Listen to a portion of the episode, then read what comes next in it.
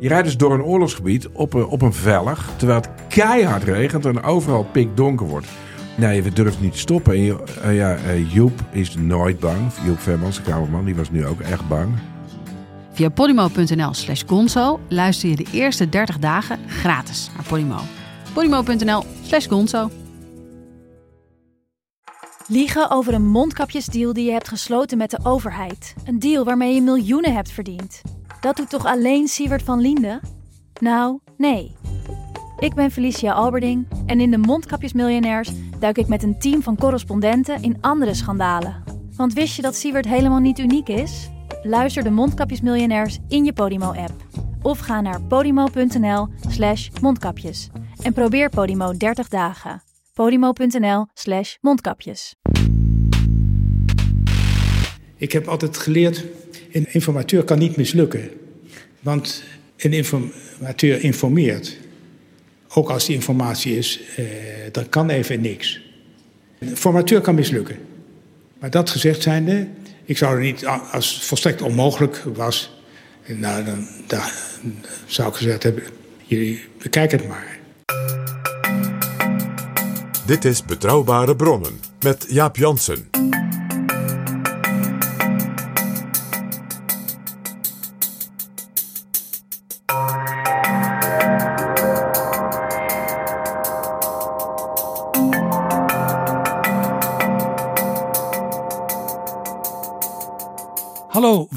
Betrouwbare Bronnen, aflevering 182. En welkom ook PG. Dag Jaap. Voordat we beginnen wil ik eerst graag nog even de nieuwe vrienden van de show verwelkomen. De luisteraars die met een donatie Betrouwbare Bronnen mede mogelijk maken. De nieuwe vrienden zijn Wim, Hubert en Hans, Loes, Marijke, Ruurt, Christian, Gertjan, Harry en Jan Dirk. En we mochten in de vorige aflevering dankzij uitgeverij Balans vijf boeken verloten van Jet Bussemaker. Aan het einde van deze aflevering maak ik bekend wie de gelukkigen zijn. Dit is Betrouwbare Bronnen. PG. Inmiddels is Herman Tjenk Willink aan het werk getogen als informateur. En we hoorden hem zojuist zeggen: een informateur kan niet mislukken. Er zijn dingen die in Nederland nooit veranderen. Dat blijkt maar weer. Kabinetsformaties betekent Herman. En Herman meldt: mislukken bestaat niet. 2021 is het jaar dat alles nu echt anders moet in de politiek. En dus vragen we Herman die we altijd vragen. De prins in die prachtige roman De Tijgerkat van de Lampedusa. Die zegt op een bepaald moment als dan de nationale liberale revolutie op Sicilië hè, met de, de eenwording van Italië van Garibaldi een feit is. Ach, zegt hij, alles moet veranderen zodat het allemaal hetzelfde blijft.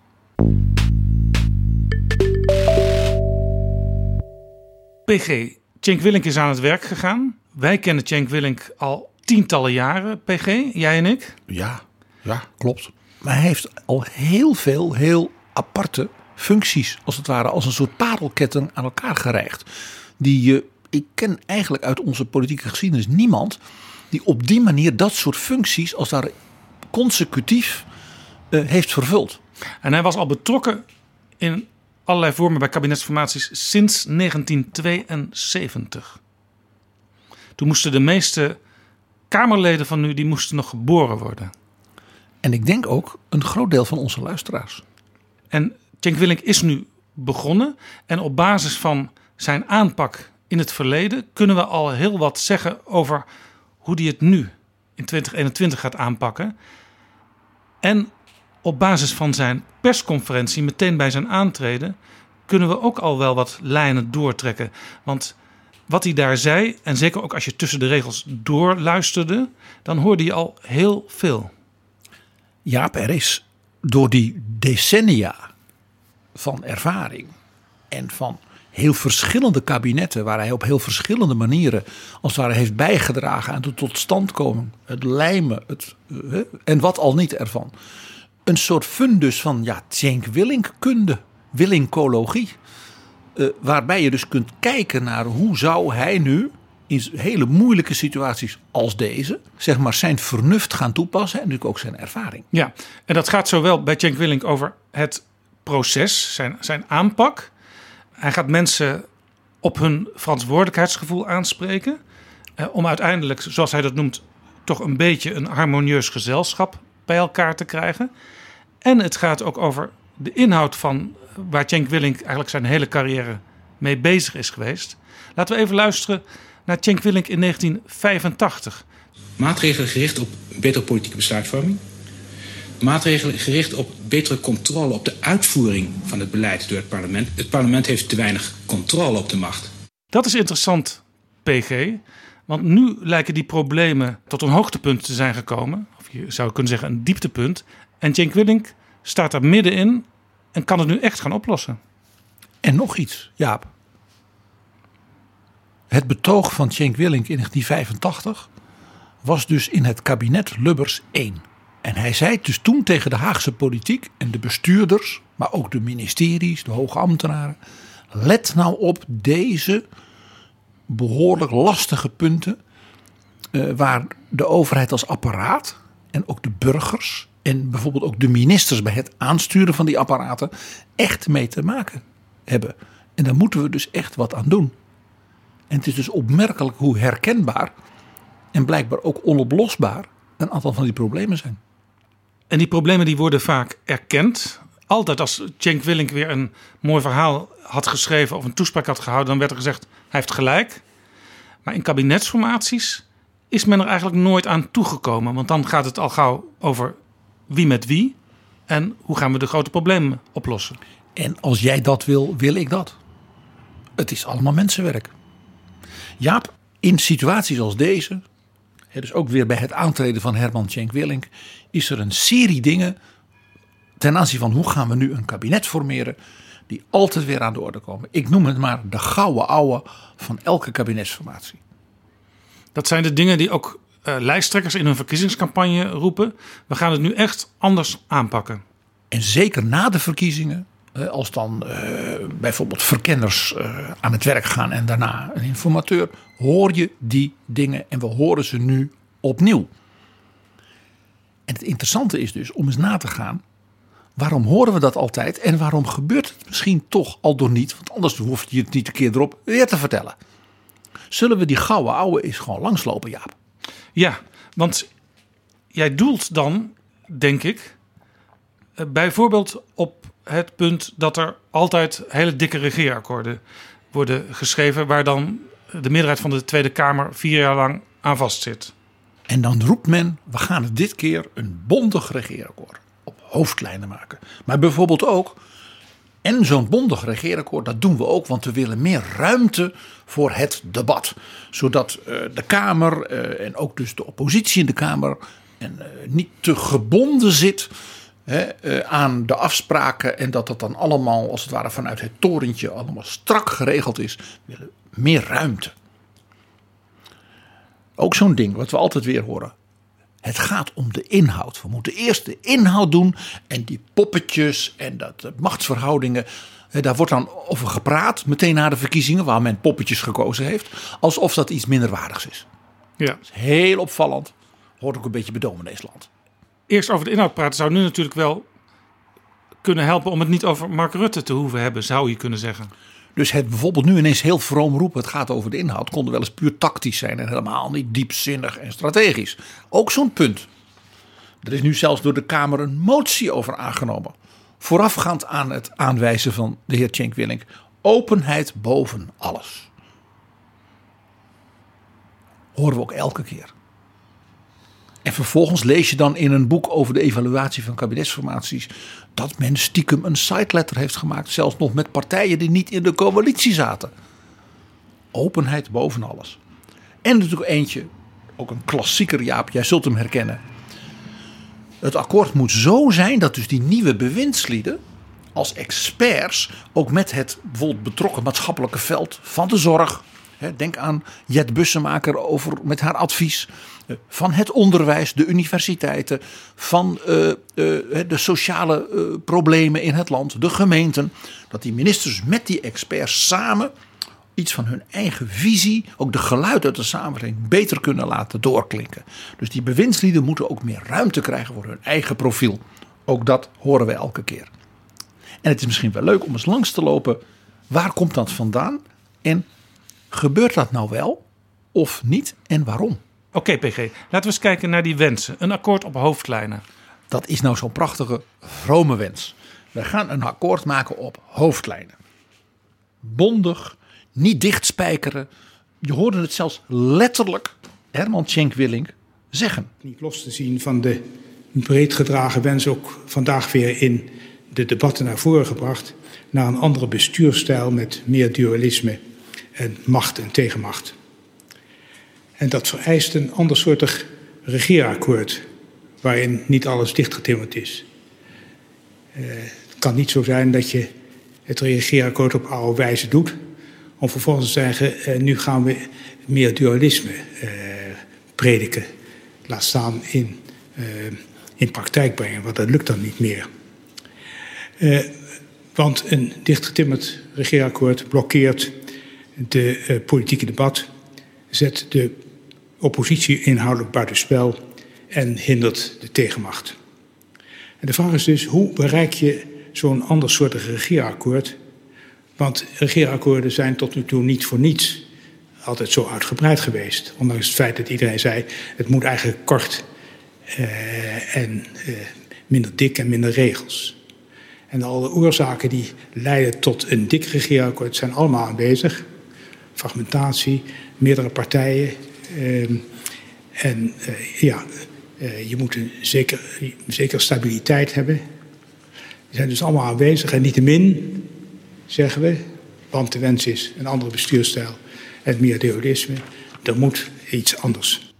Dit is dus wel het uitgangspunt van Cenk Willink dat dat zou moeten. Sterker nog, Jaap, dit was de intro van zijn persoonlijke zeg maar, inzet. Een soort korte essay wat hij aan de pers ja, gaf bij zijn allereerste persconferentie als informateur. Dus dit zit heel diep, dit idee. Ik zeg dan, wat mooi, hoofdlijnen. Vertel eens, wat zijn hoofdlijnen?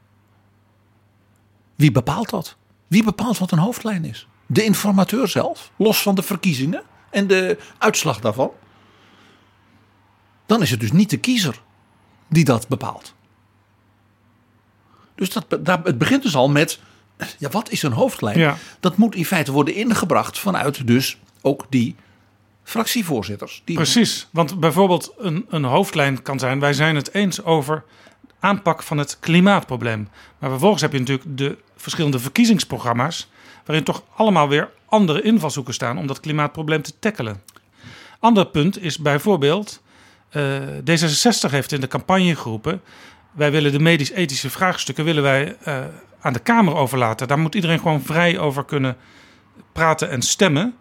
En dan komt meteen al de ChristenUnie om de hoek kijken. Die zegt van ja, wij gaan wat de Kamer dan besluit... als het tegen onze zin is, niet uitvoeren als wij in het kabinet zitten. Dus dat geeft al aan, dingen botsen. De hoofdlijn voor de een is het breekpunt voor de ander. En dat kunnen partijen zijn die op heel veel terreinen... je noemt er nu twee bijvoorbeeld een aantal grote gedachten best kunnen delen.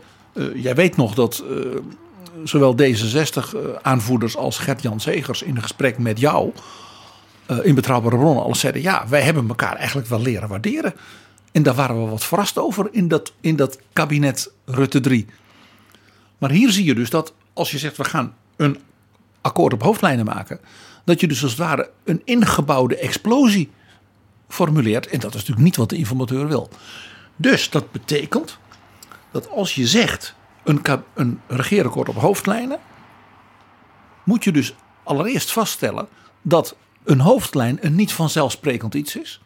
En dat ook een blokkade een hoofdlijn kan zijn. Laat ik een ander voorbeeld geven. Er zijn allerlei partijen die zeggen: wij moeten uh, de grondwettelijke vrijheid van onderwijs maar eens flink aanpakken. Het blokkeren daarvan, van dat gaat echt niet gebeuren, is een punt dat bijvoorbeeld voor de Christen-Democraten en voor de ChristenUnie en nog wel een partijen een essentieel aspect is. Dus ook een blokkade, iets wat niet gaat gebeuren, kan een hoofdlijn zijn. Terwijl voor anderen de ambitie een hoofdlijn is. Dus een regeerakkoord op hoofdlijnen, dat klinkt goed, maar hangt wel heel erg af van wie wat hoofdlijn vindt. En natuurlijk nog iets. laten we niet omheen draaien. Een regeerakkoord is een soort wapenstilstand. Is niet een essay met rijke gedachten. Bovendien, een essay met rijke gedachten is niet bondig. Per definitie niet. Dus daar begint het al. En een regeerakkoord doet natuurlijk nog iets. Dat is een wapenstilstand tussen fracties. Is niet een visionair document. Dus daarin staat wie krijgt wat. En als jij dat zo graag wil, dan lever je daar voor mij dat in. Ja, en En dus ontstaan er vaak in regeerakkoorden hele bijlagen en teksten met details. Voor sommigen details, voor anderen essentieel. En, die die, moet je details- bij elkaar optellen. Die details komen soms ook voort uit een wapenstilstand binnen een deelnemende partij. Want bijvoorbeeld in de kabinetsformatie van 2017 eh, was er forse discussie binnen de ChristenUnie. Eh, moeten wij uiteindelijk wel deelnemen aan dat derde kabinet Rutte? Toen waren de fractievoorzitter Gert-Jan Segers en de uiteindelijke minister Carola Schouten... die waren daar groot voorstander van. Die hadden ook zitten onderhandelen. Maar bijvoorbeeld de partijvoorzitter en een aantal fractieleden... die hadden grote moeite. Nou, en om die dan te appeaseren komen er soms wat details in een regeerakkoord... die niemand eigenlijk kan, kan thuisbrengen. Waar komt dat nou vandaan? Maar dat kan hiermee te maken hebben. En dan heb je het dus over de met afstand kleinste partner in zo'n coalitie. Die voor de meeste hoeveelheden detailtekst kan gaan zorgen. Om heel begrijpelijke redenen. Dus detaildingen, niet hoofdlijnen. Ja, in een regeerakkoord kunnen van grote betekenis zijn als onderdeel van de wapenstilstand. Van oké, eh, als we het zo opschrijven met die en die en die details. Over de aanschaf van dat en dat eh, nieuwe ding bij Defensie. Hè, denk eens aan de JSF. Dan, dan houden we voorlopig vier jaar de zaak koest. En ook dat bijvoorbeeld bij het voorkomen van gedoe, eh, het blokkeren van ambities, dat je een aantal details toevoegt van ja, maar dat kan dan wel. Mag ik een mooi voorbeeld geven? Jos van Kemenade. We hebben het over hem gehad in Betrouwbare Bronnen. Welk jaar spreken we nu over? We hebben het nu over 1981. En dat was een vervolg op wat mislukte in 1977. Dan zie je dus hoe dus de vorige kabinetsformatie nog weer kan doorechoen in details in de volgende. Dat ging over de invoering van de middenschool. Jos van Kemenade ging akkoord met een regeerakkoordafspraak waarin gezegd we gaan de middenschool niet invoeren van bovenaf bij wet. Maar we gaan het aantal experimentscholen dat daarmee aan de slag gaat de komende vier jaar uitbreiden van bijvoorbeeld 25 naar 40. Dan denk je, waarom moet je een regeerakkoord aantallen opnemen? Daar is weken over gesteggeld. Waarom niet 50? Waarom niet 35? Het werden er uiteindelijk zeg maar 40. En dat is dus een detail, maar is het niet. PG, als je het akkoord beperkt in omvang maakt, eh, zoals je nu hoort bepleiten, dan kan de Tweede Kamer meer ruimte krijgen voor het debat. Dus dan is er meer ruimte voor politiek. Dat denkt men. Maar als je in een regeerakkoord op hoofdlijnen bijvoorbeeld vastlegt: er is een nationaal herstelplan nodig voor de crisis, corona en dan de wederopbouw daarna. En we hebben een aantal grote verhalen nodig, visie, hè, zodat dat weer gezamenlijk kan gebeuren. En Nederland, geopolitiek en hè, de defensie en wat dan niet. Nou, een nationaal herstelplan, als je dat opneemt in vier regels in een regeerakkoord. Kun je natuurlijk niet tegen de Kamer zeggen en u doet verder maar. Want dan zegt bijvoorbeeld de polder, ja, wij hebben nu een aantal grote afspraken gemaakt over de ontwikkeling van investeringen, eh, de lonen, de verduurzaming. Ja, als dan de Tweede Kamer een beetje aan gaat zitten rommelen en wij niet weten waar we aan toe zijn, dan hebben we dus geen nationaal herstelplan. Dus ook daarvan zeg ik, het hangt er maar van af wat je dus in die hoofdlijnen en afspraken vastlegt. Ja, dat is ook een, een paradox eigenlijk. Hè. Er wordt nu gezegd, we moeten het vertrouwen onderling moeten we bevorderen, zo niet herstellen. Uh, maar allerlei afspraken die in de polder worden gemaakt en die eigenlijk opzetjes zijn voor regeringen, voor kabinetten, om, uh, de, ja, om te gaan uitvoeren. En met groot draagvlak en dus vertrouwen.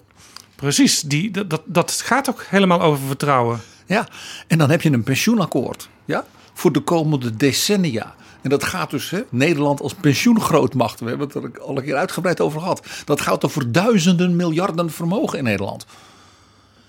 Ja, dan kun je niet zeggen. En dan hebben we ruimte voor het debat in de Tweede Kamer. En dan kan uh, zeg maar de, de, de fractie van Volt een amendement indienen. wat dan 5000 miljard even verschuift. Ja, zo gaat dat niet. Dus ook hier weer. Een bondig regeerakkoord biedt ruimte. En dan zeg ik ruimte voor wat? En ook ruimte voor wie? Korte illustratie hierbij. De kabinetten Rutte, die in feite allemaal in de praktijk minderheidskabinetten waren. Tijdens die 10, 11 jaar zijn maar liefst 17 maatschappelijke akkoorden gesloten met polderachtige organisaties. Waarvan je dus zou kunnen zeggen, die kabinetten Rutte, dat zijn toonbeelden van het vormen van vertrouwensbanden en breed draagvlak in de samenleving voor grote veranderingen. Ga zo voort, vrienden. Pieter Omzicht heeft een heel boek geschreven en heel veel uh, voorkeurstemmen gekregen met het betoog: dit kan zo niet langer. Je ziet het dilemma dus als je zegt we hebben meer ruimte. Ja, ruimte voor wie? Ruimte voor wat? Mag ik een voorbeeld geven? Het kabinet Balken en de Vier. CDA, PvdA, ChristenUnie. In dat regeerakkoord had men een aantal onderwerpen uh, ja, in een soort wapenstilstand geformuleerd. Waaronder bijvoorbeeld de hervorming van de arbeidsmarkt. Ja. Onmiddellijk kreeg de minister die daarover ging, minister Donner van Sociale Zaken, het aan de stok met de Partij van de Arbeid, dus de grootste coalitiepartner van zijn partij, het CDA, over het ontslagverbod. Vier jaar lang heeft men geknokt tussen de PvdA-fractie, met name onder leiding van Mariette Hamer, nu voorzitter van de SER, en de minister over ja, wat betekent dat dan? En die fractie van de PvdA, die kreeg daarbij steun af en toe ook van de ChristenUnie, ook in de coalitie. En natuurlijk met de partij aan de linkerzijde in de Kamer. Voor verzachting daarvan. Ja, dat hebben we nu wel afgesproken. Maar men probeerde dat al wat aan te passen, weg te poetsen, minder te maken, uit te stellen. En Donner, strak hè, in de wedstrijd, die zei: Ja, maar dit hebben we zo niet afgesproken. Maar hoe strakker hij werd, hoe minder beweging er kwam. En zo zie je, ruimte voor debat kan dus ook leiden tot minder beweging, minder dat je waarmaakt wat je hebt afgesproken. Heel interessant dat je dat punt van de arbeidsmarkt noemt. Want daar is natuurlijk een rapport van de commissie Borslap over verschenen. Hans Borslap was de gast in Betrouwbare Bronnen. Over de uitkomst van dat rapport lijkt zo'n beetje de hele politiek het eens. Namelijk minder flex, meer vaste banen en meer leven lang ontwikkelen. Mensen gedurende hun arbeidsleven mee laten groeien in plaats van werkloos te maken. Maar als je dan onder dat kopje gaat kijken hoe gaan we dat precies invullen. Ja, dan komen er meteen botsingen. En dan gaan mensen ook die in het kabinet Rutte 3 hebben gezeten. Eh, bijvoorbeeld naar de VVD wijzen van ja, jullie hielden allerlei dingen tegen. En daarom zijn we er nog steeds niet uit hoe we borstlap gaan uitvoeren. En als je dus een bondig akkoord hebt met oog op meer discussie, je zegt we gaan borstlap uitvoeren, dan weet je dat de kans dat je een herhaling gaat krijgen van de geweldige knokpartijen tussen Piet Hein Donder en Mariette Hamer aanzienlijk is en er dus niks gebeurt. Nog een mooi voorbeeld trouwens. Het kabinet Rutte 2. VVD, Partij voor de Arbeid, duidelijke meerderheid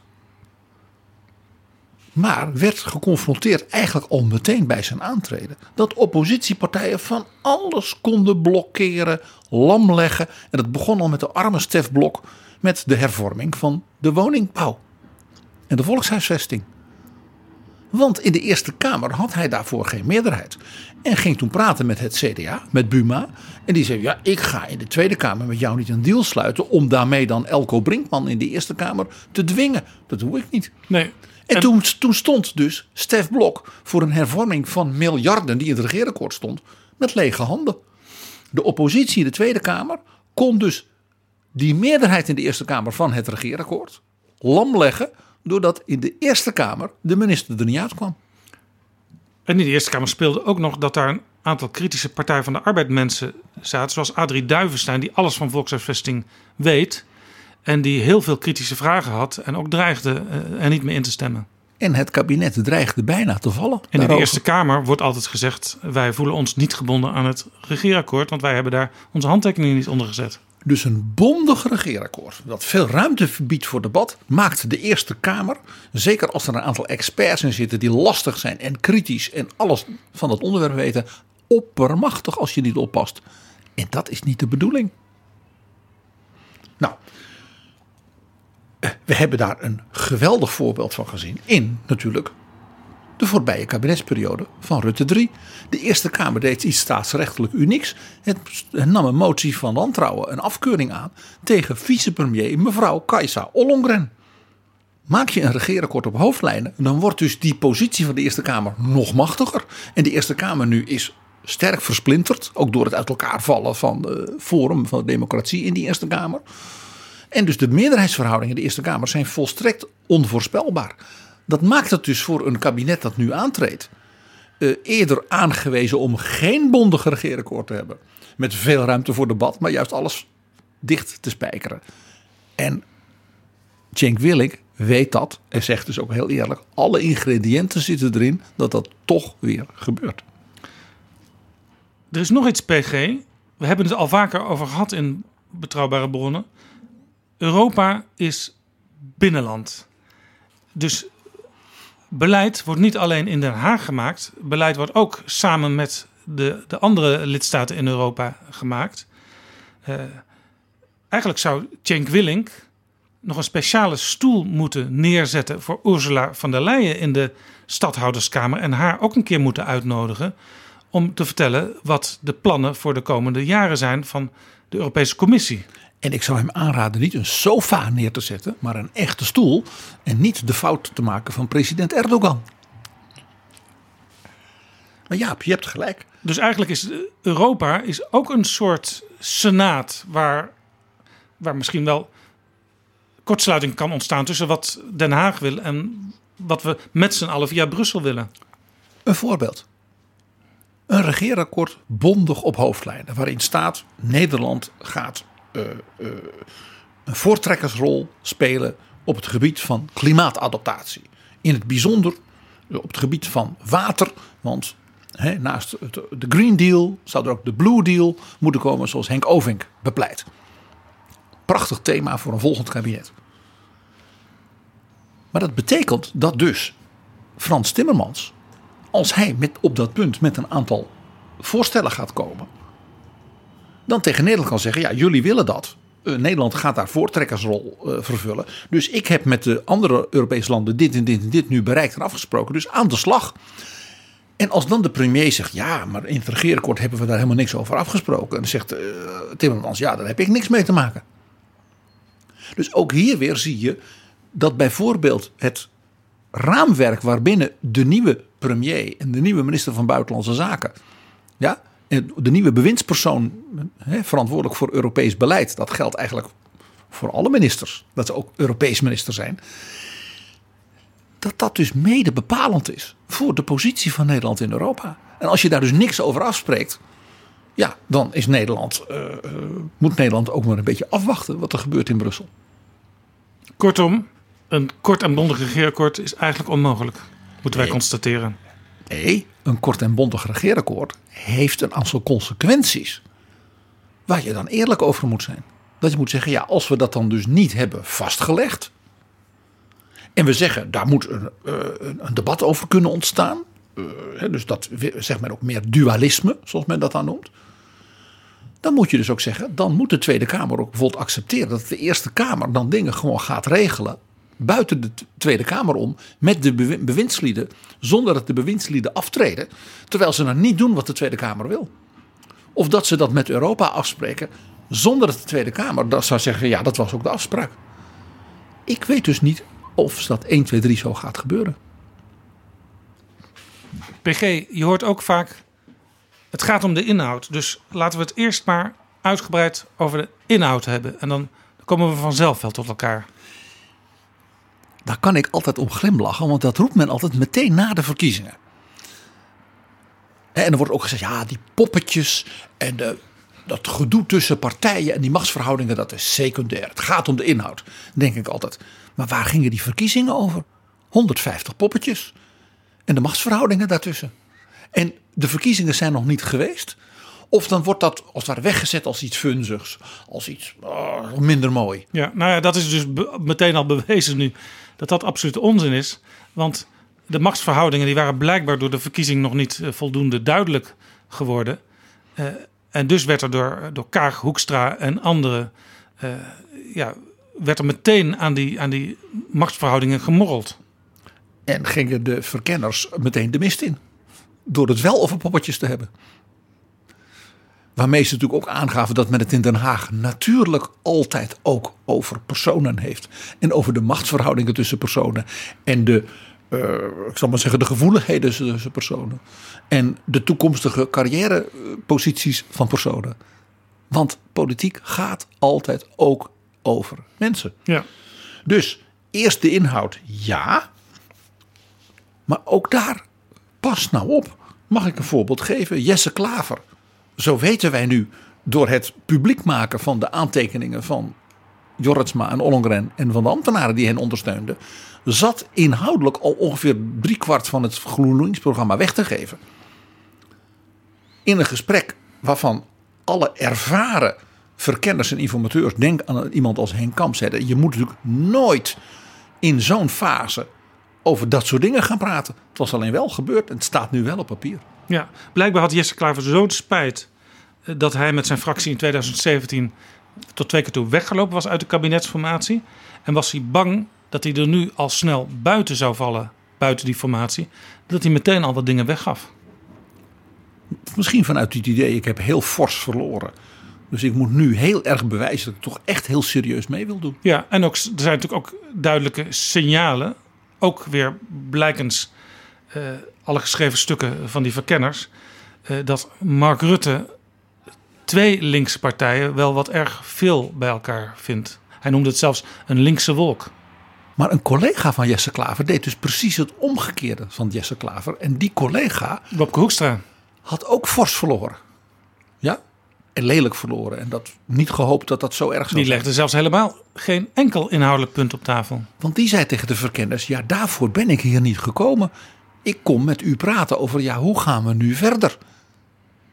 En eigenlijk deed Hoekstra dus wat ervaren mensen als uh, Kamp en uh, Cenk Willink zeiden: Zo hoort het.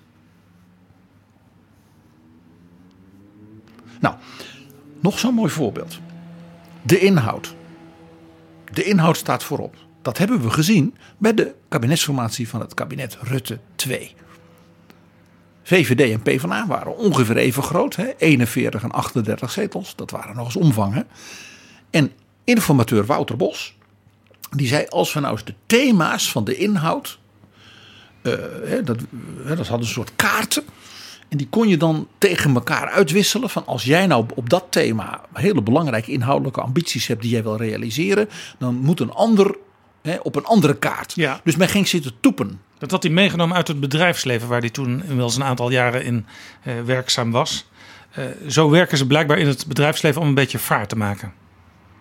Dit heeft men gedaan. De conclusie daaruit unisono van iedereen is: dit doen we nooit meer op die manier. Want Terwijl ze dachten, dan hebben we eindelijk eens helderheid. Iedereen weet waar die aan toe is. Dan krijgen we niet van die ondoordringbare grijze compromissen. En stroperige afspraken en details en een regeerakkoord dat weer veel te dik is. En al die argumenten die we hiervoor al hadden gehad. Men heeft het toen gedaan, dit doen we nooit meer.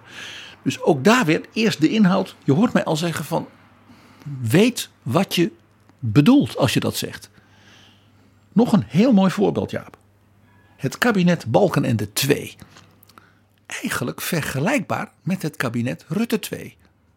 Rutte 2, VVD en Partij van de Arbeid. Hè, vlak bij elkaar, 41 en 38. Balkenende 2, CDA en Partij van de Arbeid. Alle twee winnaars. 44, 42. Dus het kabinet van zegt, nou die lijken enorm op elkaar. Ook daar had men twee informateurs benoemd van zeg maar, de inhoudelijke buitenklasse. Piet Heindonder en Frans Lijnsen.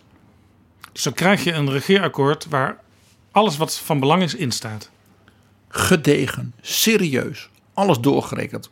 Het klopt. Alle bommetjes van tevoren dus al gedemonteerd zou je zeggen. Zeer deskundige types, uh, ja, die ook gezaghebbend waren bij mensen als Balkenende, als Bos, die die mannen daar ook hadden neergezet. En daar is dus in feite een regeerakkoord helemaal klaar. Zeg maar 95% was gewoon geregeld. Teksten, afspraken, uh, dingen. En het hele bouwwerk donderde in elkaar. Hoe kwam dat? Om twee thema's. Eén, terwijl dat gebeurde, die onderhandelingen gaande waren, ging president Bush in de aanval in Irak tegen Saddam Hussein. En tussen zeg maar, de buitenlandvleugel en de defensievleugel van het CDA en de buitenlandvleugel, defensievleugel van de Partij van de Arbeid, was de argwaan zo groot dat dus men het gevoel had: dit wordt niks met hen. En het tweede, dat het CDA zei: ja, economisch komt het misschien wel zwaar weer. Wij willen een aantal extra garanties van de PvdA. Want je weet het nooit met die rooien, hè, als het gaat om geld. Dat als er tegenvallers komen, dat er dan ingebouwd zit een soort terugvaloptie op noodzakelijke bezuinigingen. Stel dat er klappen gaan vallen. Ja, wat doen we als er echt een crisis uitbreekt? Een soort crisisscenario voor dat soort dingen. Dat werd opgesteld door de, de jonge CDA die voor Balken en de, zeg maar, heel veel van dat soort rekenwerk deed. Die was bovendien persoonlijk goed bevriend met Wouter Bos. Dus dat leek een handige soort ja, bemiddelaar te zijn tussen die twee. Joop Wijn. Joop Wijn. En die maakte dus een lijst van eventuele uh, ingrepen als er tegenvallers kwamen. En dat werd de wijnkaart genoemd. Ja, en daar werd ook wel van gezegd dat was Chateau Migraine. En Wouter Bos die, die, die raakte toen totaal in de war van die wijnkaart en van de aanpak van het CDA. Uh, want jij zei het al, Joop Wijn en Wouter Bos waren vrienden. Sterker nog, uh, Wijn was getuige bij het huwelijk van Bos. Hij was de ceremoniemeester zelfs. En uh, dit doet mij denken aan een uitspraak van Frits Bolkestein. Als je een vriend wil in de politiek, neem een hond. Die is van president Harry Truman. If you, if you want a friend in DC, take, take a, a, dog. nou, wat je dus zag, was dat dus de Partij van de Arbeid, die zeg, terugvallijst voor eventuele tegenvallers, als een motie van wantrouwen beschouwde van het CDA tegen dat regeerakkoord van Donder en Lijnse. Dat was alleen niet zo. Maar je zag hier de onervarenheid van mensen als Balkenende en, en Wijn. En ook van Wouter Bos. En dus de heren Donder en Lijnse die zo'n voortreffelijk pakket hadden gemaakt. Zeer ervaren kerels. Die zagen dus hun hele werk uit handen vallen. Dus je begint met de inhoud. En dat is allemaal helemaal goed. En dan gebeurt er in die inhoud iets ja, wat niet goed ja, wordt aangepakt en goed begrepen. En de zaak gaat helemaal mis. Dus eerst de inhoud, tuurlijk. Maar je moet altijd dus ook gevoel hebben voor de machtsverhouding. En in dit geval bijvoorbeeld het vertrouwen tussen personen. Wat je nu ook hoort, sterker nog, het is vastgelegd in een Kamermotie, de motie Wilders-Eertmans, dat eigenlijk ja, openheid boven alles moet. Uh, in elke fase van de kabinetsformatie moeten uiteindelijk de, de gespreksverslagen openbaar worden. Dat vindt de Kamer dus. De hele Kamer heeft ja gezegd tegen die motie.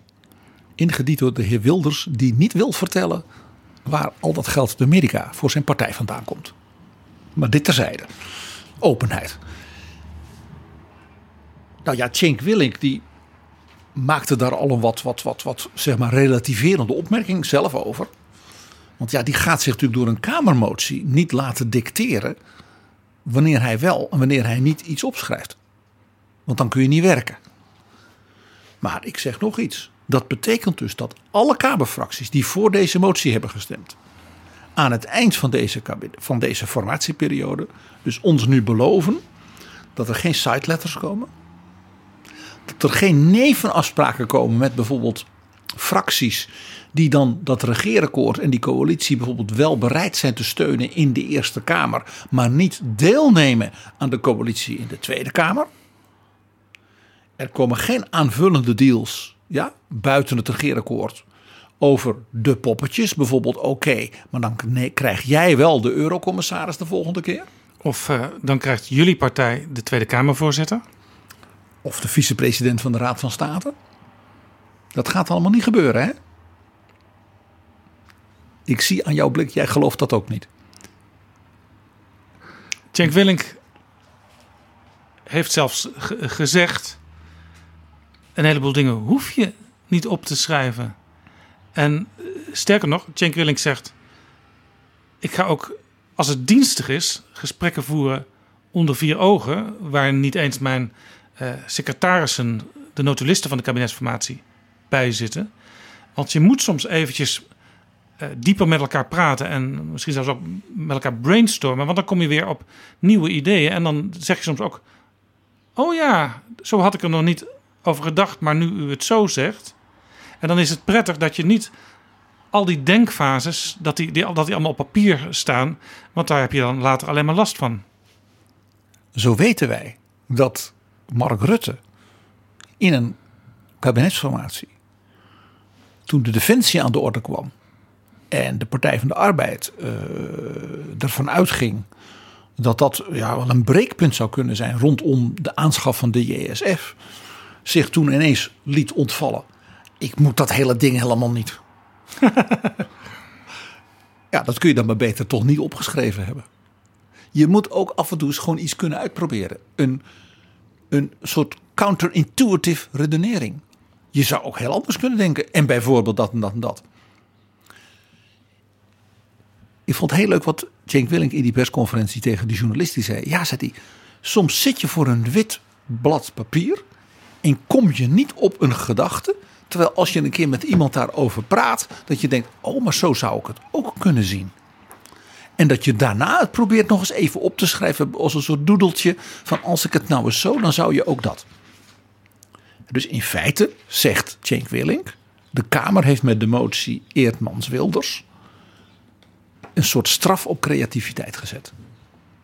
Ik heb Cenk Willink uit zijn, uit zijn tientallen jaren ervaring bij kabinetsformatie ook wel eens horen zeggen: uh, als je iets gaat eisen in het openbaar, daar heb je dat woord openbaar weer, dan leidt dat er meestal toe dat je het niet krijgt. En als je iets heel graag wil, dan moet je het dus op een andere manier op tafel leggen. Dus beter wat onderhuids, wat stapsgewijs, gedurende de gesprekken, ja, naar voren laten komen. Zodat het aan het eind als een soort, soort aha-erlevenis van, oh ja, dat punt, ja, laten we dat ook meenemen. En helemaal, Jaap, in een situatie die dus zo anders is dan wij in Nederland vroeger gewend waren. Dat je dus niet twee, drie partijen hebt die zodanig van omvang zijn in de Kamer dat met twee van hen je een stevige coalitie kunt maken. Hoe meer middelgrote tot kleine partijen je bij elkaar moet brengen rondom een aantal grote vragen, uitdagingen en problemen. Hoe ingewikkelder het wordt als je alles tot, ja, tot achter de komma wilt gaan opschrijven en moet gaan rapporteren publiekelijk en dan ook nog zeggen het moet bondig en ruimte laten voor discussie. Dat is de kwadratuur van de cirkel. We hebben een minister van Financiën gehad, uh, die later trouwens ook informateur werd, Gerrit Salm, die door de Kamer riep wij voeren hem niet uit. Het was een motie van de Kamer. Wij voeren hem niet uit. Eigenlijk hebben we nu een informateur die een net aangenomen motie niet uitvoert. Want we weten al van de gesprekken met de 17 fractievoorzitters die Cenk Willink heeft gevoerd, dat hij elke fractievoorzitter ook nog even vraagt of ze iets onder vier ogen willen bespreken. En dat weet ik omdat um, Lydia Marijnissen van de SP dat vertelde toen zij van Cenk Willink vandaan kwam. Zij had overigens uh, geen wensen op dat terrein. Uh, maar Cenk Willink wilde haar nog even, en dat kon los van, van alles wat opgeschreven wordt, complimenteren met de, de geweldige verkiezingscampagne van de SP. Die dan ook zo'n enorm electoraal resultaat had. Maar dat kan dus blijkbaar gewoon een informateur die de eerste de beste motie meteen naast zich neerlegt. Ja, hij moet, zoals Lubbers zou zeggen, werkende weg ergens zien te komen. Er wordt ook vaak voor gepleit dat bewindslieden eh, veel meer eigen ruimte krijgen uh, voor hun beleid, voor hun profiel. We hadden het er ook nog over met, uh, met Jet Bussemaker. Je wordt minister en dan kom je meteen met zo'n vastgespijkerd regeerakkoord te zitten. Zij relativeerde dat overigens dat na een half jaar dat regeerakkoord eigenlijk al helemaal niet meer van belang is. En Marten en Oopjen stonden niet in het regeerakkoord. Dus dan krijg je het gekke, gekke beeld dat, dat ze zitten een half jaar te formeren over een dik regeerakkoord. En een half jaar later, als het er eenmaal is, ja, dan is de wereld al zo veranderd dat je het eigenlijk niet meer, niet meer nodig hebt. Uh, maar geef bewindslieden meer eigen ruimte. Dat is ook een beetje het idee wat je vaak hoort. Moeten we nog eens apart bespreken achter een zakenkabinet. Hè. Zet gewoon de specialisten er neer en dan komt het goed. Dat hoor je af en toe dus, maar meestal komt het er niet van. Gek hè? Eh, wat men ook dan nog vaak zegt, van, dat is ook goed voor de dialoog met de samenleving. Want zo'n minister, eh, ik noem maar zoals mevrouw Bussemaker, zowel bij de zorg als bij het onderwijs en de cultuur, hè, die is van heel veel al geweest. En die gaat dan met het veld praten.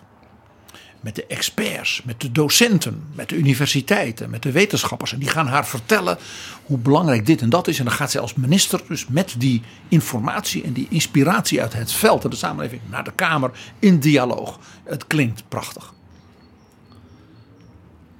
En dan zeg ik het, ja. Maar wie moet dat organiseren? Niet de informateur. Dat moet de Tweede Kamer dus zelf organiseren. Die moet zeggen: wij willen bewindslieden die zo met hun portefeuille omgaan. En dat kan, daar hebben we een voorbeeld voor. In Europa. Jij weet, Jaap, wat er gebeurt als er een nieuwe Europese Commissie aantreedt. Ja, dan komen alle kandidaat-eurocommissarissen één voor één naar het Europees Parlement voor een uitgebreide hoorzitting die uren kan duren. En soms in meerdere afleveringen als die eerste hoorzitting als het ware tot een discussie leidt of tot beantwoording op grote lijnen, waarvan het parlement zegt: Oh, vindt u dat? Nou, dan gaan wij nog eens even flink met u over doorzeuren. Ja, dat is ooit bijvoorbeeld eens gebeurd met Nelly Kroes, die toch uh, zeer gewaardeerd werd ook in Nederland. En waarvan we dachten: dan zetten we echt een stevige vrouw daar. Het Europees Parlement was niet tevreden over de, haar antwoorden in de eerste hoorzitting. Ze wilde een tweede hoorzitting. En in die tweede hoorzitting moest ze alles uit de kast halen. En het grappige was, het effect was dat het Europees Parlement nadien, nadien dus zei: die vrouw laat zich niet zomaar onderpoetsen en die kan wat. En toen het effect was dat dus het, de waardering voor haar toenam daardoor. Ja, dus dat zou eigenlijk een idee kunnen zijn om alle kandidaat bewindslieden één voor één eh, naar de Kamer te roepen voor een gesprek over wie bent u, wie, is je vader, wie is je moeder en vooral wat wilt u gaan doen de komende vier jaar. Ja, En hoe kijkt u aan tegen de problemen op langere termijn? En nog iets, Jaap.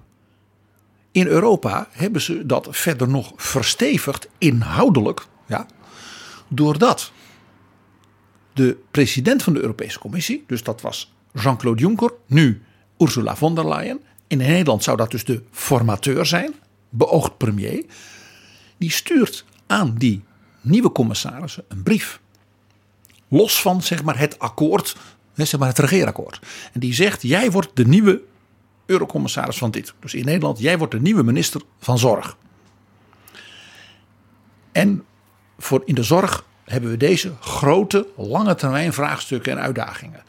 En uit uh, het regeerakkoord blijkt dat er zoveel extra geld komt, maar er moet wel daar zoveel worden bespaard. En die schrijft dus in die brief een soort missie voor die bewindspersoon. En ook, ik verwacht dat jij met de collega van onderwijs bijvoorbeeld dit doet voor de verbetering van de academische ziekenhuizen. Of de met de collega van Milieu dit doet. Of met een collega van Sociale Zaken aan de schuldenproblematiek. Ja. Waardoor veel mensen ziek zijn. Sluit ook een beetje aan op wat Jet Bussemaker zei. Hè? Je moet uitgaan van missies en die gaan vaak over de bestaande departementen heen. Dat is exact wat dus de president van de Europese Commissie doet in die brieven aan die nieuwe commissarissen.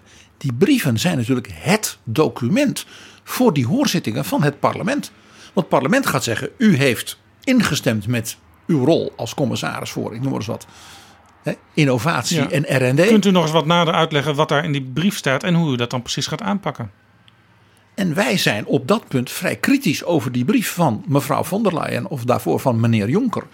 Dus wij willen als parlement eigenlijk dat u veel meer dat doet en misschien wel een beetje minder dat dan die Jonker. Dus het, de politieke strijd over de inhoud begint dus al bij hun aantreden. En ja, dan kan een commissaris, in dit geval dus ook in Nederland een minister, zijn eigen profiel als het ware aans- aan, aanscherpen. En ook met hè, het parlement, de Tweede Kamer in Nederland, dus tot een aantal afspraken komen van oké, u wilt dit. Dit zijn de mogelijkheden die ik heb. Wat gaan we nu samen doen? Dan halen we het veld erbij, hè, de, de, de experts uit de samenleving. En dan gaan we een aantal stappen zetten. Ja, en dat leidt meteen dan ook al tot verduidelijkingen van het regeerakkoord waarop die brieven eh, gebaseerd zijn. Eh, daar kan dus later niet, niet zo snel meer misverstand eh, over ontstaan. Het interessante is, over die regeerakkoorden wordt dus vaak maanden gepraat in een kabinetsformatie. Maar een Tweede Kamerfractie krijgt soms maar een paar uur op een achternamiddag om daarover te besluiten. En dan zit je daar als nieuw VVD-Kamerlid of nieuw D66-Kamerlid of noem maar op. Je ziet het vaak voor het eerst, zeker als je niet de specialist bent op dat terrein. En je wordt dan geacht in twee uur overal ja en amen tegen te zeggen.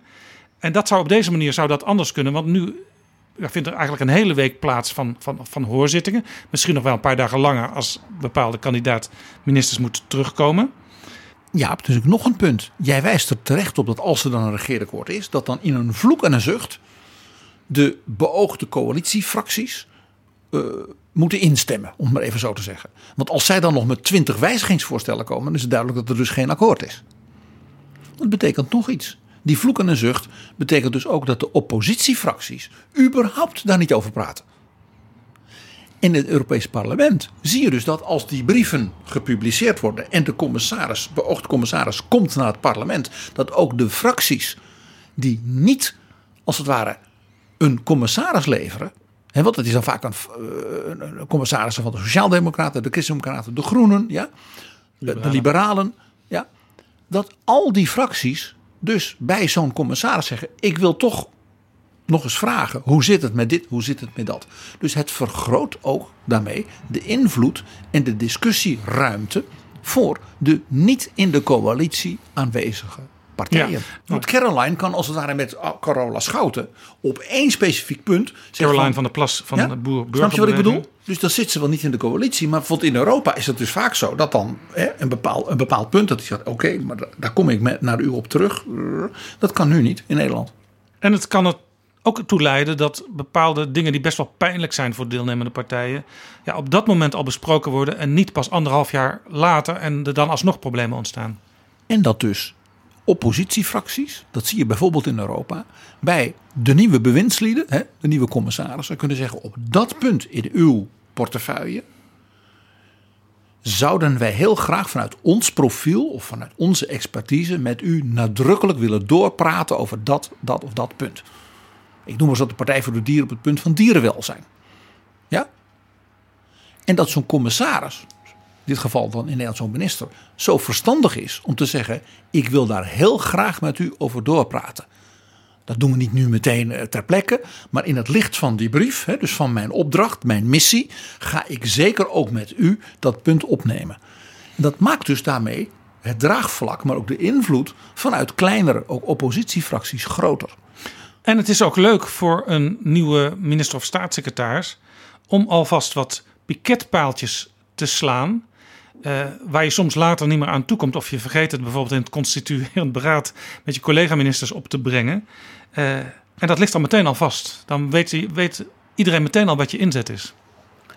En het grappige is dus, dus deze Europese manier, die dus veel opener, veel transparanter en in dat opzicht dus ook veel vernieuwender is dan wat wij in Nederland doen, eigenlijk misschien wel meer bijdraagt aan meer ruimte voor debat, meer ruimte voor niet-coalitiepartijen en meer ruimte binnen de afspraken voor een eigen profiel dan alle vrome voornemens over een bondig regeerakkoord en wat al niet.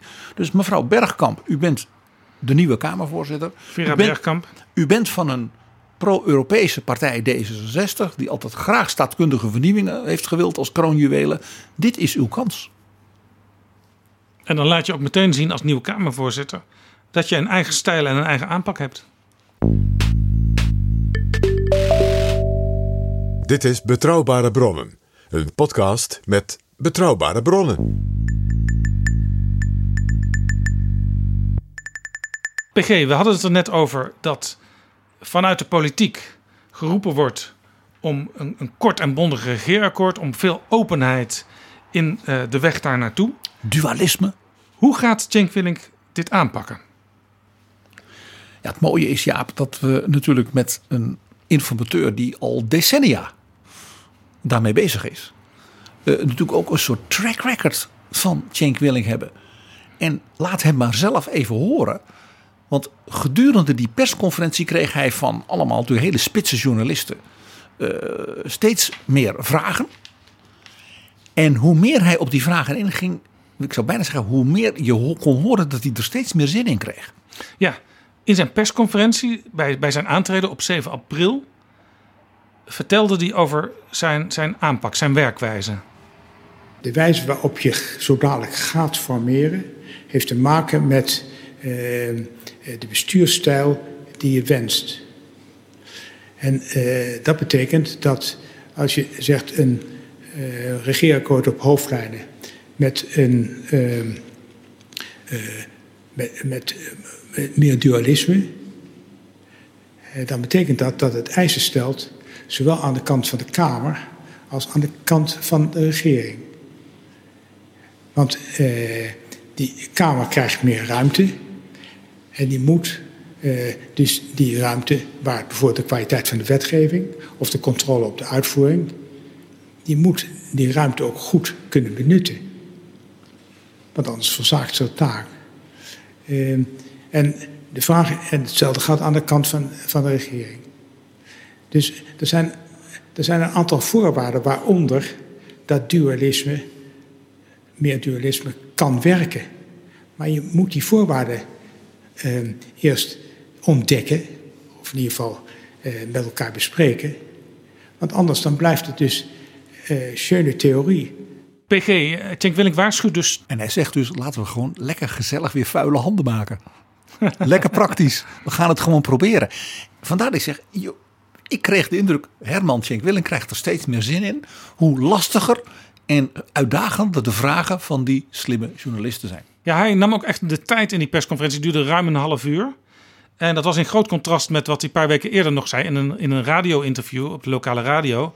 Het zou toch wel erg armoedig zijn als ze zo'n oude man van 79 nog weer zouden gaan vragen om informateur te worden. De zelfspot spatte er vanaf. En ook dat is in de Haagse politiek een hele mooie eigenschap. Denk aan Dries van Acht. Er is natuurlijk nog iets, Jaap. Het is natuurlijk niet zo dat Herman Schenk Willink als het ware ja, voor een soort wit blad papier zit. En denkt, ja, ik heb geen idee wat ik nou moet. We weten van hem dat hij altijd graag zegt van we gaan vanuit de inhoud eens kijken. Dit zijn de grote vraagstukken. Een beetje à la Jet Bussemaker in het gesprek met jou en mij. En de documentatie, de stukken waar het echt om zou moeten gaan. Waar je als het ware een kabinet op kunt grondvesten. Die liggen al gewoon klaar. Ja, dus in feite het, het verhaal van Alexander Pechtold moet ik er een nietje doorheen doen. Je zou het bijna zeggen, ja. Mag ik eens beginnen met ten eerste het werk van Cenk Willink zelf. Hij heeft in 2017, ook toen alweer informateur, bij zijn verslag aan de Tweede Kamer een essay toegevoegd met een aantal gedachten over hoe de overheid en de politieke cultuur beter zou kunnen functioneren. Dat stuk, ja, dat is als het ware de basis voor de discussie die hij nu met die fractievoorzitters gaat voeren. Interessante was dat hij ook alweer in die persconferentie van 7 april dat essay ook alweer meteen aanhaalde. En hij had toen ook daar een uitgebreide uitleg bij in de, in de Tweede Kamer. Er kwam toen geen respons, zei Cenk Willink in zijn persconferentie. Ik ben nog eens even teruggegaan naar dat debat van toen. En daar werd informateur Cenk Willink, die toen verslag kwam uitbrengen, onderbroken via de interruptiemicrofoon door het Kamerlid Geert Wilders. De politieke discussies over maatregelen en instrumenten gaan vaak ook bijna ongemerkt uit van een top-down beleid, in plaats van ook het stimuleren van initiatieven van onderop, de betrokkenheid van burgers en maatschappelijke organisaties. Toch is het inhoudelijke publieke debat over de structurele veranderingen cruciaal voor het noodzakelijke draagvlak. Een open en inhoudelijk politiek debat stimuleert dat publieke debat. Uh, misschien een punt van orde, want ja. ik, ik, ik, vraag me echt af waar ik hier naar het luisteren ben. We hebben um, een informateur uitgenodigd voor een debat om te kijken hoe het is gegaan de afgelopen weken. En het lijkt wel alsof ik hier een college uh, krijg. En um, um, voorzitter, daar zit ik niet bepaald op te wachten. We hebben een informateur nodig die de opdracht van de Kamer uitvoert. En als ik hem hoor zeggen wat de grote uitdagingen zijn van deze tijd, dan heb ik het natuurlijk over de informateur. Dan heeft hij het over sociale scheidslijnen en klimaatbeleid. Ja, dat, dat, dat is ontzettend subjectief. U spreekt in ieder geval niet voor een groot deel van de Kamer en dus ook niet voor heel veel mensen in Nederland. Hè? Wat dacht u van nee. islamisering? Wat dacht u van terreur en islamitische terreur? Dus voorzitter, ik wil, de informateur is onze gast en dan behoor je ja. beleefd te zijn. Maar ik zou, weet ja. u, ik zou zeggen, een beetje minder mag wel. En uh, niet iedereen is het met u eens en heeft het al helemaal geen behoefte aan een college. Nee, ik, uh, ik snap dat. Ik snap dat. waar ik naartoe wilde, is dat in de uh, kabinetsformaties uh, zou moeten worden nagedacht, volgens mij, over de wijze waarop we de discussie over dit soort zaken. En ik noem alleen maar de drie dingen die in het debat steeds, of in de formatie steeds aan de orde zijn geweest. Ik fantaseer er niks bij. De wijze waarop de discussie daarover gevoerd moet worden. Je hoort Wilders dus zeggen van...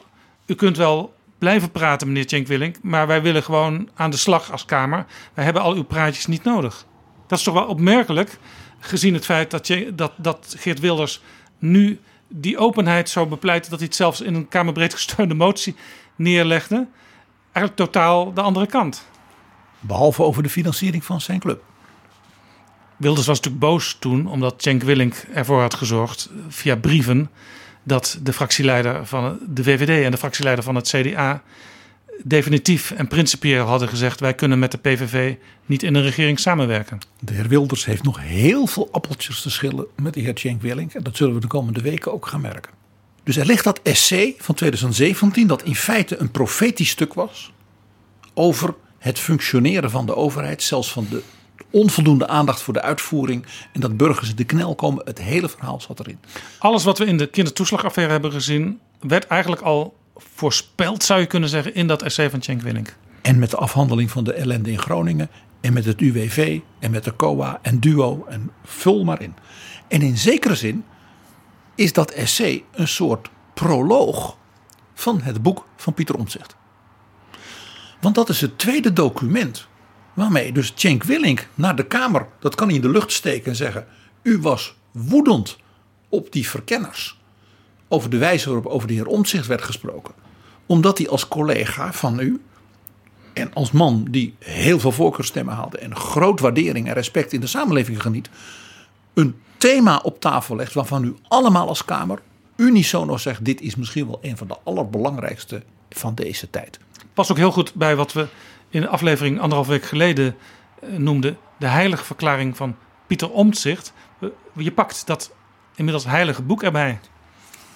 Ja, eindelijk een heilig boek dat wel mag worden aangeroepen door de, bij de seculiere partijen. En natuurlijk nog iets. Omtzigt heeft gezorgd in dat indrukwekkende en heftige debat over de toeslagenaffaire dat de zogenaamde Venetië-commissie van de Raad van Europa Nederland kritisch zou beschouwen ten aanzien van dit soort thema's. Ga er maar vanuit dat juist een man als Cenk Willink, auteur van dat essay van 2017, zal zeggen wat daar uit gaat komen, die vreemde ogen die dwingen van die mensenrechten-experts. Dat moet dat komende kabinet en de komende coalitie en de hele Kamer zich nadrukkelijk uh, wat van aantrekken. Ja, ja, dus er moest ook een, een soort guideline komen waaraan die Venetië-commissie over één à twee jaar al kan toetsen van wordt dat inmiddels ter harte genomen? Dus hier liggen belangrijke documenten voor wat Cenk Willink nu moet gaan doen. Dan is er natuurlijk het crisisteam onder leiding van Mariette Hamer. De denktank van... coronacrisis waarin allerlei uh, grote maatschappelijke organisaties zitten, uh, zoals de SER, de Nederlandse Bank, het Centraal Planbureau, eh, het Sociaal en Cultureel Planbureau. Die denken allemaal met elkaar na over aanpak van de coronacrisis en vooral ook hoe we na die crisis Nederland weer op de rails zetten. En daar is dus sprake van groot, breed, zeg maar, draagvlak. In de polder, bij het bedrijfsleven, bij de bonden. Denk ook aan het SER Jongerenplatform. Dat rondom de grote ja, druk op jongeren, de schulden, eh, de wonen, het wonen en wat al niet. Ja. Een soort extra advies daarbij heeft gedaan. Daar liggen ook al twee documenten uit januari van die denktank coronacrisis, 30 pagina's. En uit januari ook van de jongere denktank, 65 pagina's. Dat kan dus Cenk Willink als informateur zo als het ware op tafel leggen en zeggen: Dit zijn de tien belangrijkste adviezen daaruit. Uh, dit zijn de vijf belangrijkste conclusies uit het boek van Omtzigt. Dit is zeg maar, de invalshoek hoe wij moeten gaan kijken straks naar de kritische analyse van de Venetië-commissie.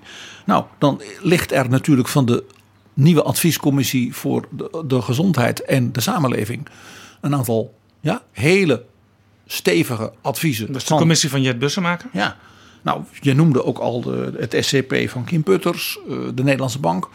Dus eigenlijk kan Cenk Willink zijn tanden daar al in zetten en dus de grote thema's en missies daaraan ontlenen. Plus waar we het net al over hadden, uh, al die brieven waarmee de nieuwe eurocommissarissen uh, een dik jaar geleden begonnen zijn. En natuurlijk heel belangrijk, de Europese Green Deal en het Europese herstelplan, waar Nederland ook de handtekening onder gezet heeft. En waarvan nog niet helemaal helder is wat Nederland daar nou vanuit Nederland en voor Nederland mee gaat doen. Dus dat is een enorme, uh, ja, ook financieel reusachtig thema uh, voor een volgend kabinet. En ook dat zal ongetwijfeld uh, ja, een van de fundamenten zijn voor wat Cenk Willink aan de fractievoorzitters gaat voorleggen. Interessant, PG, op zijn allereerste persconferentie op 7 april werd aan Cenk Willink al gevraagd: wat gaat u doen nadat u de 17 fractievoorzitters voor de eerste keer gesproken heeft? Daar zei hij over: ja, dat weet ik nog niet. Misschien nopen die eerste gesprekken ertoe dat ik nog enkele fractievoorzitters laat terugkomen. Maar misschien ook niet. En dat laatste, ja, dan denk ik, hij kan dan eigenlijk al aan een verslag gaan schrijven als hij geen fractievoorzitters meer nodig heeft in deze eerste fase. Ik moest onmiddellijk denken aan een eerdere kabinetsformatie. En grappig genoeg, na wat graafwerk door jou en door mij zelf, kwamen wij ook op de rol van nota bene Herman Schenk Willink als informateur in die kabinetsformatie. En dat is de kabinetsformatie van 1994. Ja, dat was de, de kabinetsformatie die uiteindelijk in Paars 1 zou eindigen. Maar in de fase waar we het nu over hebben, PG, uh, was het nog niet helemaal duidelijk welke partijen uiteindelijk aan tafel zouden komen. Uh, bijvoorbeeld het CDA, toen onder leiding van fractievoorzitter Elko Brinkman, uh, speelde ook nog een rol. En het was nog, ook nog niet duidelijk of de Partij van de Arbeid van Wim Kok en de VVD van Frits Bolkestein, of die wel genoeg in paars waren om Hans van Mierlo dat zo, door hem zo vurig gewenste kabinet te geven. En het CDA onder leiding van Brinkman was ook toen in de situatie dat men een forse nederlaag had geleden. En het idee dat ze als het ware het initiatief weer zou hebben politiek moest vergeten. Ik citeer eventjes over Willink uit het grote boek Kabinetsformaties 1977-2012 onder redactie van Carla van Balen en Alexander van Kessel. We gaan dus naar 1994 PG. Cenk Willink, die was toen informateur, kon niet anders dan concluderen dat voor geen van de reële meerderheidscoalities voldoende draagvlak bestond in die fase van de formatie. Tegelijkertijd stelde hij vast dat de programmatische verschillen tussen de vier partijen kleiner waren dan ooit en dat geen van de partijen een van de andere uitsloot. Dus hij komt eigenlijk vanuit de inhoud, vanwege het programmatische blik, komt hij al tot een soort tussenconclusie. Uh, de vier partijen die nu nog in het spel zijn, die zouden met elkaar kunnen als ze dat echt willen. Maar hij wist ook dat er spanning was tussen het beleid dat wordt bepleit en de electorale gevolgen die worden gevreesd. En zei hij: het is de hoogste tijd deze padstelling te doorbreken. En daarom stelde hij voor, informateur Cenk Winning, een vooraanstaand persoon uit de kring van de VVD te benoemen tot informateur. En die zou dan een programma op hoofdlijnen gaan schrijven, met name voor financieel en sociaal-economisch beleid. En dat programma op hoofdlijnen zou dan aan de fracties worden voorgelegd. En wat zie je nu gebeuren? Cenk Willink heeft dus zijn opdracht van mevrouw Bergkamp geïnterpreteerd als ware hij die figuur. Dat is interessant. En nog interessanter is, het werd geen VVD'er die dat moest gaan doen. Dat stuk van het advies werd niet overgenomen door koningin Beatrix. Koningin Beatrix kreeg het advies, wij weten dat kwam met name van Tweede Kamervoorzitter Wim Deetman, CDA. Die zei dat moet u zeker niet een liberaal laten doen. Als u een financieel-economisch zeer krachtig verhaal wilt hebben, dat die vier fracties dwingt zich ja, als het ware te bekennen tot het beleid, dan moet u dat de minister van Financiën laten doen. Toevallig ook de lijsttrekker van de Partij van de Arbeid, de grootste partij, Wim Kok. En dus wat Schenk Willink nu in feite doet als informateur, is het advies uitvoeren dat informateur Schenk Willink toen aan koningin Beatrix gaf. Namelijk zet iemand aan het werk die op de inhoud, dus de grote missies een totaalverhaal schrijft. En laten de fracties dan maar zeggen of ze daar wel of niet mee instemmen. Vanuit dit idee, eigenlijk zit men op die grote lijnen heel dicht bij elkaar. Jaap, dat betekent volgens mij dat wij ongeveer nu al kunnen gaan zien wat Schenk Willink aan het eind van die drie weken aan mevrouw Bergkamp gaat rapporteren. als een soort Wim Kok de tweede van 94, maar dan in 2021. Ja, want hij kan dus op basis van zijn gesprekken al een aantal grote lijnen destilleren. En hij weet wat de grote maatschappelijke problemen zijn. Hij kent het door het oude kabinet ingezette beleid. Hij weet uh, wat de maatschappelijke organisaties willen. Hij weet waar Europa mee bezig is. En hij heeft zijn de essay van 2017 en het boek van Omtzigt. En dan gaat hij ook een beroep doen bij de fracties op hun maatschappelijke en politieke verantwoordelijkheid. Wetende dat een aantal daarvan, een groot aantal daarvan, in grote lijnen met dat conceptplan kan instemmen. Dus hij komt met een soort breed middenpakket voor een, hè, dan gebruik ik de term wel eens, motorblok. Waarvan hij zegt dat is eigenlijk misschien wel veel breder dan men op het eerste gezicht denkt. Ja, en dan zal hij ook voorkomen wat al een beetje in, het, in de eerste fase bij de verkenners speelde. Eh, dat partijen gaan roepen, ja, als zij het motorblok vormen, dan wil ik daar niks mee te maken hebben. Of ja, dan, dan, dan vind ik dat niet netjes, want ik wil ook motorblok zijn. Hij nodigt in feite gewoon eh, partijen uit om mee te doen aan dat motorblok. En dan kan Tjink Willink er ook nog heel mooi bij zeggen. Ja, voor een motorblok is elk schroefje, elk moertje, elk radertje van belang. En elke gaspedaal. En elke rem. Dus wat, je dan, wat, wat daar dus dan uitkomt, hè, dat zie ik zo voor mij, is in feite dus een vrij stevig uh, pakket waarvan hij misschien wel zegt van nou, er is een serie partijen die daar best aan wil werken. En er is misschien een serie ook wat kleinere partijen die, die bijvoorbeeld niet zeggen ja wij kunnen niet, omdat we bijvoorbeeld nieuw in de Kamer zijn, zomaar ineens twee, drie ministers gaan leveren. Dat hoeft ook niet. Wij kunnen inhoudelijk daar steun aan geven. Dus een soort positief, constructief gedogen. Zoals we zagen bij het kabinet Rutte 2, D66 en de twee reformatorische partijen. En die gaan als het ware met dat kabinet aan de slag. En steunen dat en maken afspraken. En het interessante is, Jaap, wij hebben er beide geloof ik al een keer op gewezen. Dat in dat debat met de verkenners het uh, uh, Dassen van Volt was. Gloednieuw. Ja. Die tegen mevrouw Ollongren zei. Zo'n Scandinavische manier van formeren. Zou Nederland daar ook niet eens naar kunnen kijken? En dit is in feite de manier waarop heel veel Scandinavische landen geregeerd worden. Namelijk een groep partijen als een soort motorblok. Met daaromheen constructief mee werkende kleinere uh, coalitiefracties. Die niet zeggen, in het kabinet zitten, maar wel meedoen. En het haalt ook uh, Gertjan Seggers van de ChristenUnie uit de nesten waarin hij zich gewerkt heeft door te zeggen wij willen niet meer onder Mark Rutte aan een volgend kabinet deelnemen. Die kan dan zeggen wij gaan vanuit de Kamer constructief alle plannen beoordelen. En uh, wij zijn bereid die te steunen als wij het goede plannen vinden. En een heel interessant aspect hiervan is dat dus ook impliciet de verhoudingen in de Eerste Kamer dan kunnen worden meegenomen.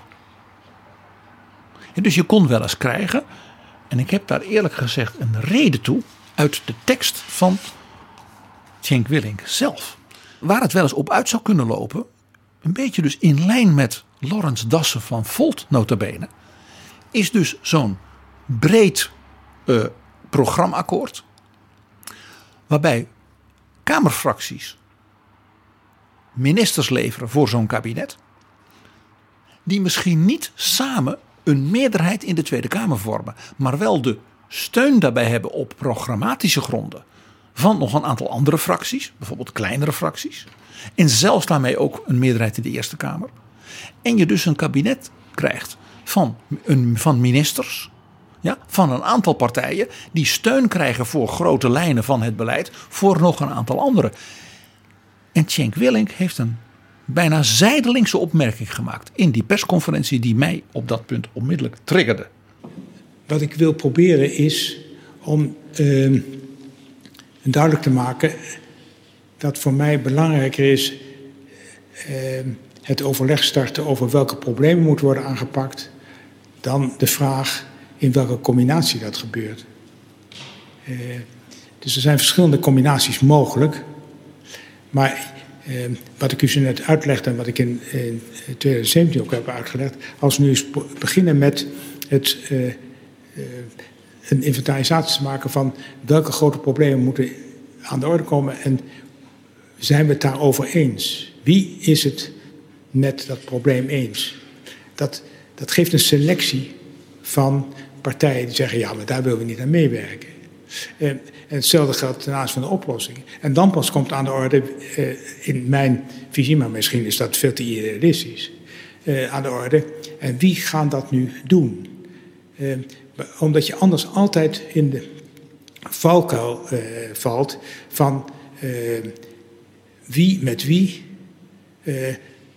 tel, kan tot 76 tellen. en dan zwem je die fuik in. Dus Cenk Willink houdt als het ware nu al rekening ermee dat als je zegt we hebben een programma waarvan ik vraag wie kan zich daarin vinden, dat hij dus niet zegt en als het niet 76 zetels haalt, is het mislukt. PG, als ik jou in betrouwbare bronnen te gast heb, want zo noem ik het nog steeds, dan praten wij meestal over politieke geschiedenis. En nu hebben we eigenlijk op basis van de geschiedenis van Cenk Willink zelf en zijn 40 eh, jaar lange betrokkenheid bij kabinetsformaties. Plus wat we de afgelopen dagen hebben waargenomen. En zijn, zijn toelichting daarop voor de pers in de oude zaal van de Tweede Kamer. Eh, eigenlijk al eh, de geschiedenis voor de komende weken kunnen schrijven. Jaap, zullen we dan gewoon heel kort, tot slot, de rapportage van informateur Herman Tjenk Willink aan Kamervoorzitter Vera Bergkamp in componenten schetsen. 1. Hij komt natuurlijk met een aantal korte, helder geformuleerde conclusies over de oplossingsrichting, zoals dat heet, en het draagvlak voor het vervolg van de kabinetsformatie. En daarin zal hij, dat weten we nu al uit zijn persconferentie, een aantal hartelijke woorden wijden aan de kleinere, ook nieuwe fracties en de rol die zij kunnen gaan spelen in de Tweede Kamer. Ja, want hij heeft over gezegd, die komen fris binnen. En ik wil wel eens weten hoe zij er tegenaan kijken, hoe dat hier gaat. En die zal hij dus een aantal vriendelijke woorden gunnen. Ten tweede zal hij zeggen, dit zijn toch de kernpunten voor het zeg maar, nationaal herstelplan uit de crisis en corona. Natuurlijk verwijzend naar de aandrang vanuit bedrijfsleven, de polder, de samenleving aan de slag te gaan. Tweede punt. Hij zal zeggen: dit zijn toch de kernpunten voor een alliantie voor het herstel van vertrouwen. Ik zal maar zeggen, de uitvoering van het boek van Omtzigt. En dan zal hij een aantal vragen formuleren aan de Kamerfracties via de voorzitter mevrouw Bergkamp. Hoe gaan we nou in het vervolg op deze basis verder als u dit bevalt? Als u vindt, dit vinden we een goede voorzet. En in feite zou hij dan zeggen: Ik ben ook wel bereid nog voor een tweede ronde. Bij de verdere uitwerking. Precies, want het proces is dan onder zijn leiding al zo ver gevorderd, misschien tot ieders verbazing zo ver gevorderd, dat het vervolg ook onder zijn leiding kan plaatsvinden. Dat de regisseur van het stuk klaar staat. En men de opera kan gaan oefenen. Tot er uiteindelijk een, een formateur moet worden aangewezen en ja, misschien denkt niemand dan nog aan. Wat hadden we ook alweer voor problemen met die lijsttrekker van de VVD? Jaap, jij gaat weer veel te ver. Je begint al over een formateur. Nee, Cenk Willing doet nu nog iets. Hij heeft tenslotte drie weken. Hij komt met opnieuw zo'n essay over een nieuwe politieke cultuur. U Natuurlijk. u wilt dat.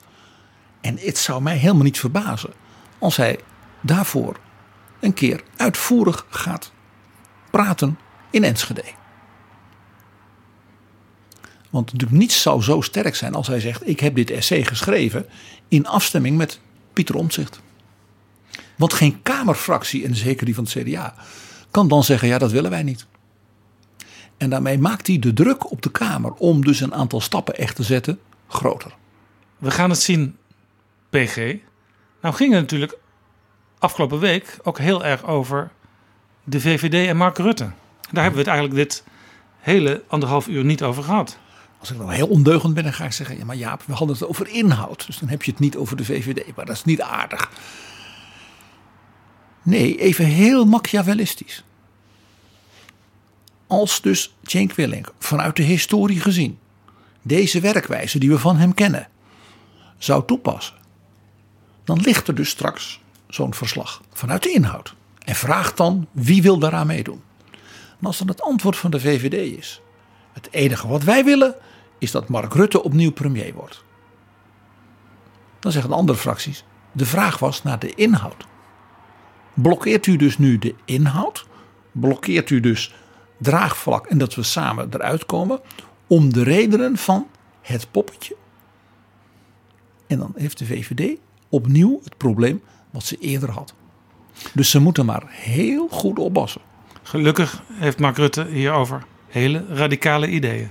Nou schreef Cenk Willink, zo hadden wij al vastgesteld, in 2017 al de proloog van dat boek van Pieter Omzicht. Wie weet wil Mark Rutte de epiloog wel schrijven. Dankjewel, PG.